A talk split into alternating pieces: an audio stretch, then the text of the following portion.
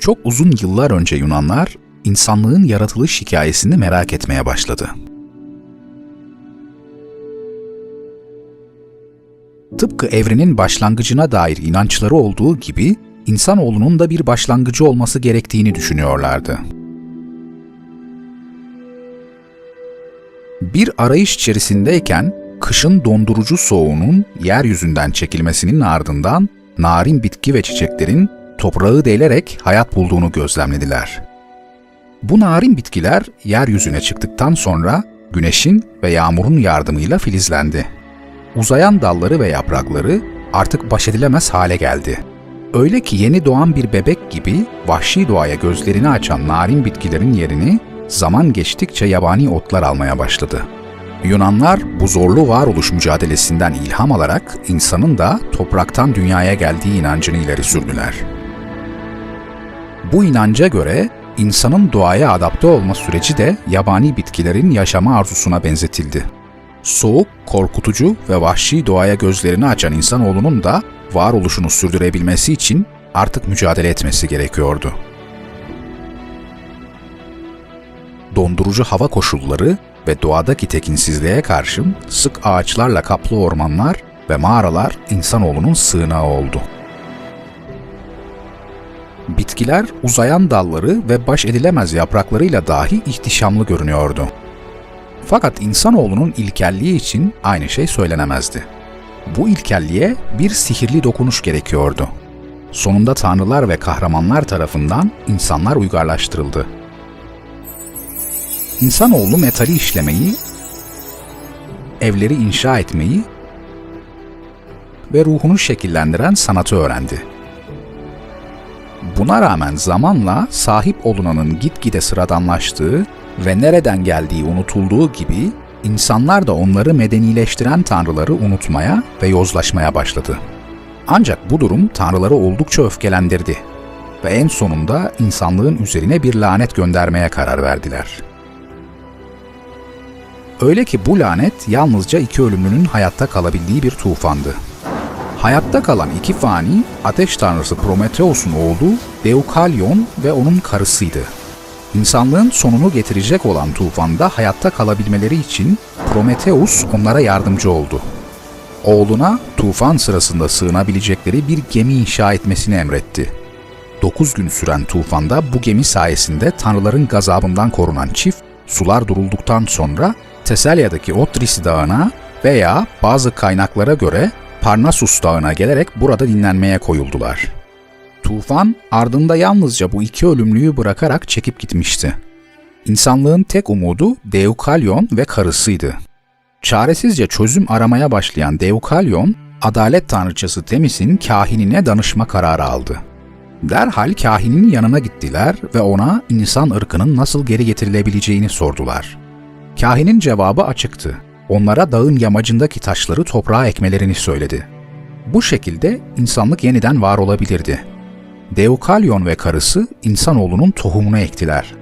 Ve böylece tanrılar tarafından lanetlenen insanı yeniden yeryüzüyle buluşturdular. Deukalyon tarafından ekilen taşlardan erkekler, karısı Pira tarafından ekilenlerdense kadınlar meydana geldi. Ve onlar Yunan ırkının ataları olarak anılmaya başladılar.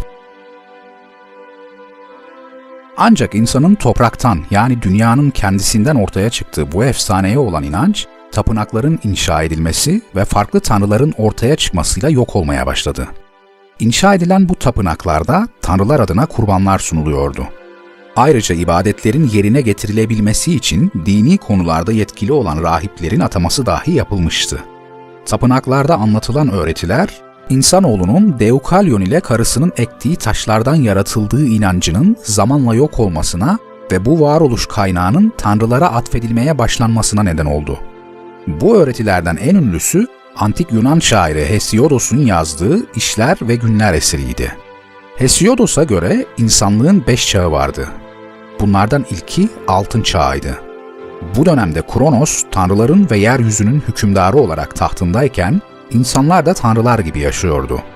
Yaşam zahmetsiz ve iyiliklerle doluydu.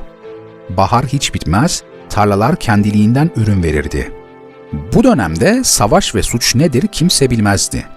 Ölüm zamanı geldiğinde ise insanlar sanki tatlı bir uykuya dalar gibi gökyüzüne yükselir ve daimon adı verilen ruhlara dönüşerek dünyayı dolaşırlardı. Bu ilahi varoluş yüzlerce yıl sürdü. Ne var ki bu büyülü çağ Zeus'un babası Kronos'u alt etmesi ve tahtını ele geçirmesiyle sona erdi. Olimpos tahtını ele geçiren Zeus yeni bir çağın başlangıcının habercisiydi. Bu çağa Gümüş Çağı adı verildi. Artık insanların refah ve mutlu ömürleri geride kalmıştı. Olimpos tanrıları bir karara vardılar. Bundan böyle insan ırkı tanrılara eşdeğer olmayacaktı. Bunun üzerine Olimpos kralı hiç bitmeyen baharı kısaltarak yılı dörde ayırdı. Tanrıların ilahi özelliklerini kaybeden insanlar artık barınmak ve beslenmek zorundaydı. Böylece ilk defa sığınabilecekleri bir barınak inşa ettiler. Daha sonra tarlalarını sürdüler ve mahsul elde ettiler. Fakat yine de ömürleri uzundu. Bir bebeğin yetişkin olabilmesi için 100 yıl geçmesi gerekiyordu. Yetişkin olduklarında ise çocuklukları kadar olmasa da hatırı sayılır bir ömür sürüyorlardı. Ancak bu insanlara yetmedi. 100 yıllık çocukluk dönemleri ve nispeten daha kısa süren yetişkinlikleri açlık ve sefalet içinde geçmişti. Bu sebeple Olimpos'un hükümdarına ve diğer tanrılara hizmet etmeyi bıraktılar. Böylece Zeus'un lanetini kazandılar ve bu lanet en nihayetinde gümüş çağı insanlarının yok olmasına sebep oldu. Tanrıların öfkesi insanlığın sonunu getirmeye yetmişti. Ölüler diyarına gönderilen huzursuz ruhlarsa uzun yaşamlarında tadamadıkları zevklerin özlemiyle yeryüzünden kaybolmuşlardı. Gümüş çağının bitmesiyle birlikte Zeus eline bir diş budak ağacı aldı. Heykeltıraş edasıyla ağacı yontmaya ve şekil vermeye başladı. İşi bittiğinde güçlü ve savaşçı bir ırk yaratmıştı. Yok ettiklerine olan öfkesini ağaçtan yarattığı bu yeni insanlara yansıtmıştı. Onlar gümüş çağındakilerine nazaran daha zayıf olmalarına rağmen oldukça kuvvetliydiler. Tüm eşyaları, silahı ve savaşı çağrıştıran bronzdan yapılmıştı. Zihinleri de yürekleri gibi sert, katı ve acımasızdı. Dünyaya getirilen barış ve sükunetin aksine savaş ve kavgadan başka bir şey bilmiyorlardı.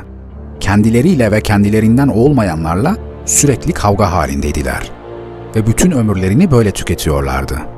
Öyle ki bu zamana kadar insanların arasında yaşayan adalet tanrıçası Temis dahi bronz çağının acımasızlığına şahit olunca dünyayı terk etti. Yeniden huzur ve barış için cennetin yolunu tuttu. Kimine göre bir tufan bu çağı sona erdirdi, kimine göre ise birbirlerinin sonunu yine kendileri getirdi. Zeus bronz çağında insanların getirdiği kaostan oldukça tiksinmişti bu büyük hengamenin ardından daha asil ve daha dürüst bir ırk yaratmaya karar verdi.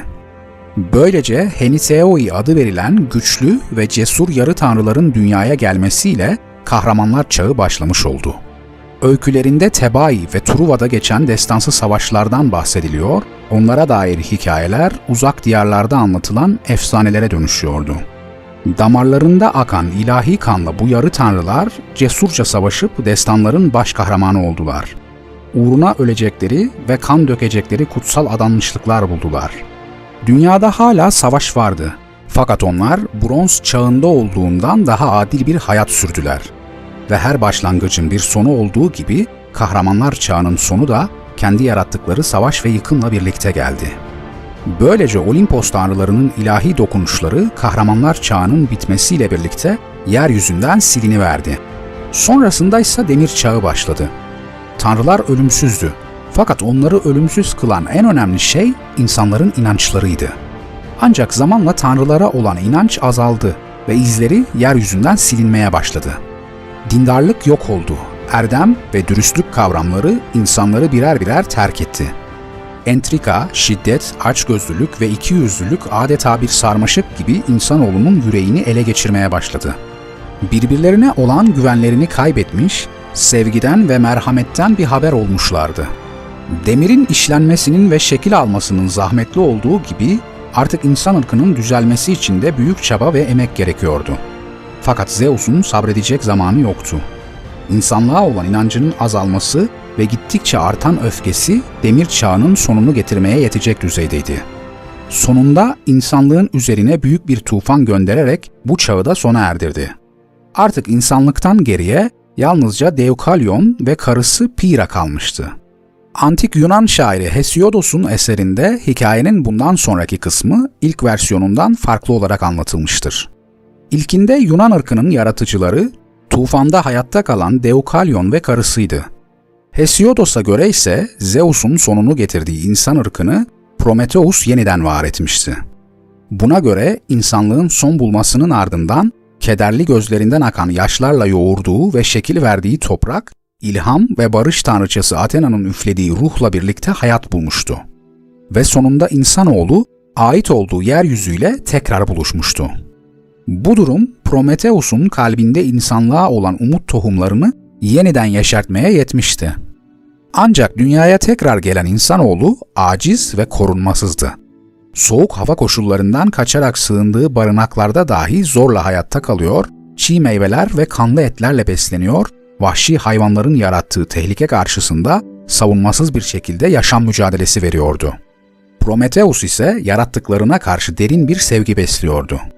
Zihinlerini ve koşullarını iyileştirebilmek için onlara tüm nimetlerini sundu. İnsanlara kendilerini savunmalarına yardımcı olacak aletlerin yapımında kullanılan metali işlemeyi öğretti. Yemeklerini pişirmeleri ve ısınmaları için onlara ateşi verdi. Astronomiyi, anatomiyi, alfabeyi, hastalıklarla nasıl baş edilebileceğini ve kehanetleri yorumlamayı öğretti. Yaratıcılarının kendilerine sunduğu imkanlardan sarhoş olan insanoğlu, lükse ve rahat yaşama alıştı. Tanrılar yine unutulmuştu. Bu durum Olimpos'un efendisi Zeus'u yeniden öfkelendirdi. Artık insan ırkına bir ders verilmesi gerektiğini düşünüyordu. Bunun üzerine Olimpos'un diğer tanrı ve tanrıçalarını da çağırarak Mekone'de bir toplantı düzenledi. Düzenlediği bu toplantıya Prometheus'u da davet ederek kendisinden bir hayvan kurban etmesini ve öldürülen hayvanın parçalarını ikiye bölerek tanrılarla insanlar için pay etmesini emretti. Koca bir öküz tanrıların huzurunda kurban edildi. Kurnaz Prometheus kurbanın etlerini bir yana, kemiklerini ise diğer yana ayırdı. Etin üzerini işkembeyle, kemiklerin üzerini parlak, lezzetli ve yağlı bir tabakayla örttü. Tanrıların kralına iki parçadan birini seçmesini söyledi. Zeus, parlak yağlı tabakanın lezzetine ve güzelliğine aldanarak Olimpos tanrılarına o parçanın pay edilmesini talep etti. Fakat yanlış bir seçim yaptığını fark etmesi çok uzun sürmeyecekti. Yağlı tabakayı kaldırıp altındaki kemik yığınını görünce o kadar çok sinirlendi ki Prometheus'un ölümlülere armağan ettiği ateşi ellerinden almaya karar verdi. Bunun üzerine Prometheus, Olimpos'un büyük hükümdarının öfkesine göğüs germeye ve insan ırkının yaşam kaynağı olan ateşi onlara geri getirmeye yemin etti. Hemen bir plan hazırladı. Olimpos dağına çıktı ve Hephaistos'un alevler saçan ocağından küçük bir kıvılcım alarak gizlice yeryüzüne indi. Böylelikle insanlara yeniden ateşi hediye etti. Diğer yandan baş tanrının hükmü geçersiz kılınmıştı. Yasaklanan ateş insanlığa tekrar verilmişti. Emirlerine karşı gelen her kimse derhal cezalandırılması gerekiyordu. Zeus tanrıların kutsal zırhlarını ve savaş aletlerini üreten oğlu Hephaistos'un yanına gitti. Ona çamurdan bir kadın yaratmasını söyledi. Yarattığı bu kadının yüzü ölümsüz tanrıçalara, bedeni ise güzel genç kızlara benzemişti. Tanrılar bu sanatsal varlığın zarafetinden o kadar çok etkilendi ki kendisine özel armağanlar bahşettiler. Athena ona renk renk kumaşlar dokumasını öğretti ve beline süslü bir kuşak bağladı. Saçları bahar çiçekleriyle donatıldı. Boynuna altın gerdanlıklar takıldı. Afrodit ve Hermes'ten çekici ve karşı konulamaz olmak için gereken tüm nitelikleri almıştı. Bu güzel kadın vasıtasıyla dünyaya husumet ve sefalet yayılacaktı. Zeus ona tanrıların armağanı anlamına gelen Pandora ismini verdi. Tüm kötülükler bir kutuya konuldu, kapağı kapandı ve Pandora'ya emanet edildi. Artık her şey hazırdı ve en sonunda baş tanrı felaketin taşıyıcısı Pandora'yı Prometheus'un kardeşi Epimetheus'a gönderdi. Epimetheus kardeşine nazaran daha aptal ve ihtiyatsızdı. Zeus'tan gelen hiçbir hediyeyi kabul etmemesi konusunda uyarılmıştı. Ancak bu uyarıya kulak asmamış, Pandora'nın ihtişamlı güzelliğine kapılmış ve genç kadını kendisine eş yapmıştı. Ancak felaketlerin çökmesi uzun sürmedi.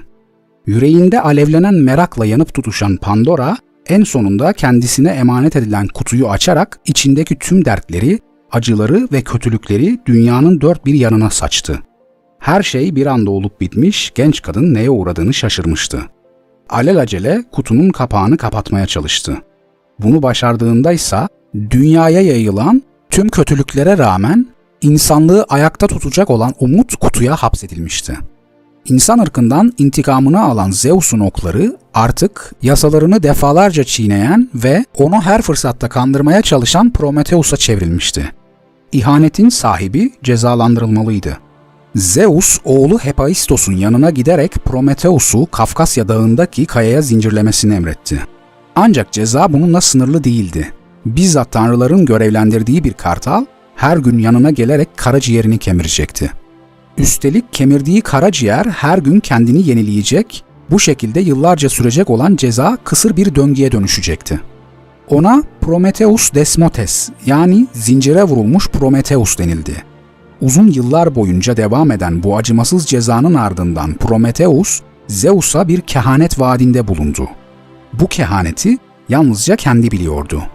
Ve kehanetin içeriği Zeus'un sonunun nasıl geleceğiyle ilgiliydi.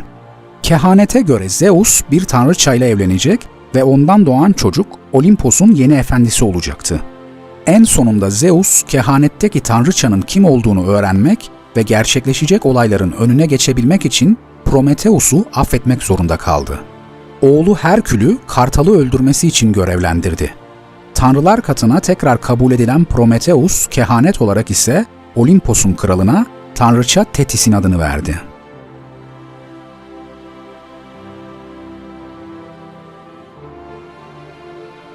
Yunan mitolojisinde insanoğlu yapılan onlarca fedakarlık sonunda yaşamaya hak kazanmıştı.